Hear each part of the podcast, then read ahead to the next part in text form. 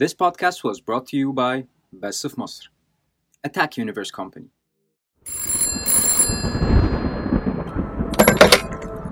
نصيحتي ليك بلاش تسمع ده لوحدك. بلاش تسمع ده في الضلمة بالليل. ولو حسيت بأي صوت خطوات أو باب بيتفتح برا أوضتك متركزش معاه وإيه يعني لو شايف خيال أشخاص برا في الصالة؟ بتحصل عادي. المهم تكون مستعد للي هتسمعه دلوقتي وتركز فيه. الساعة كام دلوقتي؟ ده وقت حواديت نص الليل. جاهز نبدأ؟ أخيرا أخدت أجازة. بقالي أكتر من شهرين بحاول أخلص كل الشغل اللي ورايا. عشان أقدر أخد أجازة. ويا ريتني ما خدت الأجازة دي. حضرت حاجتي طلعت على المطار وبعد شوية كنت فوق السحاب. الطيارة كانت زحمة بشكل مبالغ فيه. كانت أول مرة أركب طيارة تكون كل كراسيها مليانة بالشكل ده بس حقيقي. كل التعب نسيته. أول ما الطيار قال سادة الركاب برجاء الاستمتاع بالرحلة. عدت أول ساعة والهدوء مالي المكان. وأول ما بدأت أروح في النوم سمعنا صوت حد في الطيارة نفسه بيعلى. زي ما يكون بيتخنق أو مش عارف يتنفس. الناس بدأت تتلم على الصوت. وكلها دقايق. وسمعنا كابتن الطيارة بيتكلم في الميكروفون وبيقول السادة الركاب للأسف الأستاذ راجل اللي كان تعبان من شوية توفى. لكن أي متطوع يقعد جنبه. عشان اللي قاعد جنبه مش مرتاح. الموضوع كله كام ساعة وهنوصل. مش عارف ليه لقيت نفسي بتطوع. معرفش ليه لقيت نفسي بقول للمضيفة إني ما عنديش أي مانع أبدل مكاني. يمكن فضولي حرك جوايا حاجة عشان أعيش تجربة إني أقعد جنب واحد ميت. قلت لنفسي إن الموضوع كله كام ساعة. وأدينا بنتسلى. تجربتي الوحيدة مع الجثث كان يوم وفاة جدي من عشر سنين. معرفش ليه بس عمري ما حسيت إن عندي أي مشكلة مع الموت. صحابي كانوا دايما يقولوا لي إني لو اشتغلت في مشرحة أو في المقابر عمري ما هبقى خايف. أستاذ راجل الله يرحمه لما رحت قعدت جنبه كان متغطي بملاية صغيرة. غطت وشه وجزء بسيط منه بس دراعاته وإيده كانوا باينين. صوابعه كانت متخشبة. مجرد منظرهم كان ممكن يديك انطباع عن شكل وشه في اللحظة دي. حتى لو انت مش شايفه. كان قاعد في كرسي اللي جنب الشباك. كل اللي عملته إني قفلت الستارة وقعدت. بصراحة كنت عايز أطلب ملاية تانية. كنت عايز أطلب ملاية تانية أغطي بيها إيده. أنا صحيح مش بخاف بس. شكل إيده كانت تضايق فعلا. بس لما بصيت حواليا لقيت كل المضيفات بيحاولوا يهدوا الركاب. كان شكلهم فعلا مشغول. مرضتش أزعجهم في الوقت الحالي. طلعت مجلة وقعدت أقرأ فيها شوية. على امل إن الوقت يعدي بس. كنت حاسس إن الدقايق بتعدي ببطء غريب. الناس في الطيارة كان واضح إن معظمهم ناموا بعد شوية وقت. بصيت جنبي من الشباك كانت الدنيا ضلمة وهادية. مديت إيدي عشان أقفل الستارة بس فجأة سألت نفسي هو مش أنا قفلت ستارة الشباك دي أول ما قعدت؟ في حاجة غلط. في حاجة غلط. في حاجة غريبة. أنا مش عارف هي إيه بس حاسس جدا إن في حاجة غريبة. حسيت إن أستاذ راجي قعدته متغيرة. لسه قاعد ولسه حزامه مربوط. بس حاسس إن القعدة متغيرة. معرفش إزاي جاتلي الجراءة إني أعمل كده بس قررت إني أشيل الملاية وأبص عليه أول ما رفعت جزء منها لقيت إن قميصه زرايره مفكوكة في الأغلب كانوا بيعملوا له إسعافات أولية قبل وفاته. جلده أبيض زي التلج رغم إن ما عداش على موته ساعة. وعلى صدره علامات غريبة. ما فهمتش هي إيه. وأنا برجع الملاية تاني عليه وقعت كلها بالغلط. فكشفت عنه بالكامل. كان وشه باصص ناحية الشباك. انعكاسه كان انعكاس واحد ميت. بقه مفتوح وملامحه جامدة. إلا عينه. عينه كانت عمالة تتحرك يمين وشمال. فضلت متنح لانعكاس وشه. وأنا شايف عينه عمالة تتحرك يمين وشمال. كنت مصدوم. لحد ما فقت على صوت حد من اللي قاعدين قريب مني بيقول انت بتعمل إيه؟ غطي الراجل ما ينفعش اللي بتعمله ده. فرديت وقلت أنا بس حسيت إنه بيتحرك. أنا حاسس إنه ممكن يكون لسه قبل ما أكمل جملتي لقينا الطيارة كلها بتتهز بشكل غريب.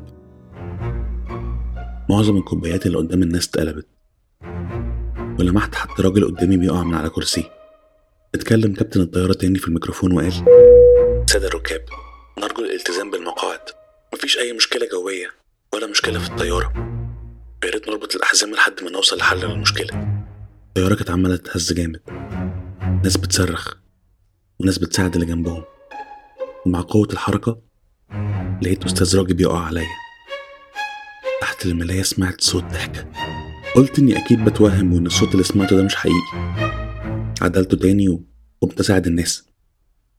ولما رجعت لمكاني لقيت الملاية واقعة من على وشه. يبص للشباك. وعينه برضه لسه عمالة تتحرك. سمعت كتير إن في أجزاء من الجسم بتفضل صاحية حتى بعد ما الإنسان بيموت. يبقى لسه في حركة في الأعصاب. وطمنت نفسي إن كل اللي بيحصل ده عادي. بعد شوية وقت الطيارة هديت ورجعت تاني للمجلة بتاعتي. لحد ما الطيارة بدأت تتهز تاني بس بشكل أقوى. أستاذ راجي قعد يتحرك مع حركة الطيارة. لحد ما رأسه خبطت في الإزاز. ولما جيت أعدله لقيته بيبصلي كان بيضحك لي. أسنانه كانت كلها دم. عينه لونها أحمر كأنه شيطان كانت أول مرة في حياتي اتفزع بالشكل ده. رجعت الملاية تاني عليه وأنا إيدي بترعش واستنيت أي مضيفة تعدي عشان أطلب منها نرجع مكاني تاني. لما ما لقيتش حد أطلب منه نرجع تاني مكاني قلت إن هقعد في الحمام لحد ما نوصل. قعدة الحمام أهون مية مرة من نقعد جنب جثة الأستاذ راجي قعدة الحمام أهون مية مرة مني إني أفضل قاعد جنبه. اللي حصل في اللحظة اللي بعدها كان شيء غريب. حد بدأ يخبط على باب الحمام. خبط مش بيقف. خبط مرعب. لما فتحت ما لقيتش حد. جريت على كرسي كان أستاذ راجل لسه قاعد في مكانه. قررت إني هقعد واللي يحصل يحصل. وقلت لنفسي إن الرحلة دي أكيد مصيرها تخلص مع الوقت. فجأة النور اتطفى في الطيارة كلها.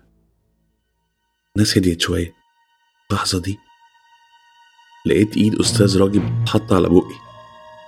وقال بصوت مخيف الرحلة دي هي نهاية حياتك. شال الملاية من عليه. حط إيده على الطلاسم المكتوبة على جسمه. وفي ثواني بدأ كل الركاب يترعشوا وجسمهم يتنفض. بيقولوا كلام غريب ومش مفهوم. كلام زي ما يكون تعويذ. اللي بدأ ينزل دم من عينه وال... واللي عينيهم بتتحول كلها للون أسود مفزع. قام من مكانه وبدأ يصرخ بصوت عالي. قال كلام مفهمتوش غلطوش. يا خادم المملكة السفلية. العجل. العجل. قال كلام كتير مش فاهمه. مش قادر أحدد. أنا خوفي من إنه عايش ولا من الكلام اللي بيقوله. واللي يشبه تحضير العفاريت. ولا خوف من الناس اللي عمالة تنزل دم من كل حتة من جسمهم. الناس بيتحركوا حركات غريبة. زي ما يكون لابسهم جن. صريخ هستيري مش بيقف. كأني راكب على طيارة الموت. مسكت راجي بكل قوتي وبدأت أخبطه في الكرسي اللي قدامه. بحاول أعمل أي حاجة عشان يفقد الوعي. ويبطل الكلام اللي بيقوله ده. الطيارة عمالة تهز بشكل مرعب. دم الركاب مغرق كل الشبابيك وفجأة قرب عليا شخص. الراكب اللي كان قاعد جنب أستاذ راجي وطلب منه يقوم من جنبه لما مات لقيته جاي عليا وبيضحك لي. خايف أنت مين؟ أنت ممكن ما تكونش فاكرني. ده أنا فاكرك كويس قوي أنا علاء. علاء باهر. رجعت بالذاكرة. علاء باهر. زميل الدراسة والشغل. طول عمري كنت بغير منه. طول عمره أشطر مني وسابقني بخطوة. حتى لما اشتغلنا في نفس الشركة كان بيترقى أسرع مني. وأنا رغم اجتهادي وتعبي ما كانش حد بيهتم بيا. حتى البنت الوحيدة اللي حبيتها. حبيته هو واختارته. الكره عماني. رحت لدجال مشهور وعملت له عمل. وبعد كام شهر حياته كلها انهارت. خسر وظيفته وخطيبته وكل فلوسه. كل حاجة في حياته باظت. بسببي أنا. شكله دلوقتي زي ما يكون كبر خمسين سنة. شكله بقى مخيف. علاء علاء أنا. أنا عرفت كل حاجة يا أحمد. لما كل حاجة باظت قعدت سنين في عزله لما خدت نفس طريقك عرفت إنك ورا كل اللي بيجرالي. عرفت إنك مسافر على الطيارة دي. بقالي كتير براقبك. أستاذ راجي هو الدجال اللي انت رحت له زمان. قرأ عليه أعمال سفلية. من كل اللي مطلوب بس إنك تلمسه. عشان معرفتش أجيب بطله وطبعا لمسته. طول عمرك فضولي ودلوقتي أنت وكل اللي على الطياره هتموتوا إن اللي حضرته اقوى بكتير من العمل اللي أنت عملته لي. طب الناس ذنبهم يا علاء؟ علاء بلاش جنان. الركاب دول أضحية. عشان أقدر اتحكم فيهم وفي الطياره بالشكل ده.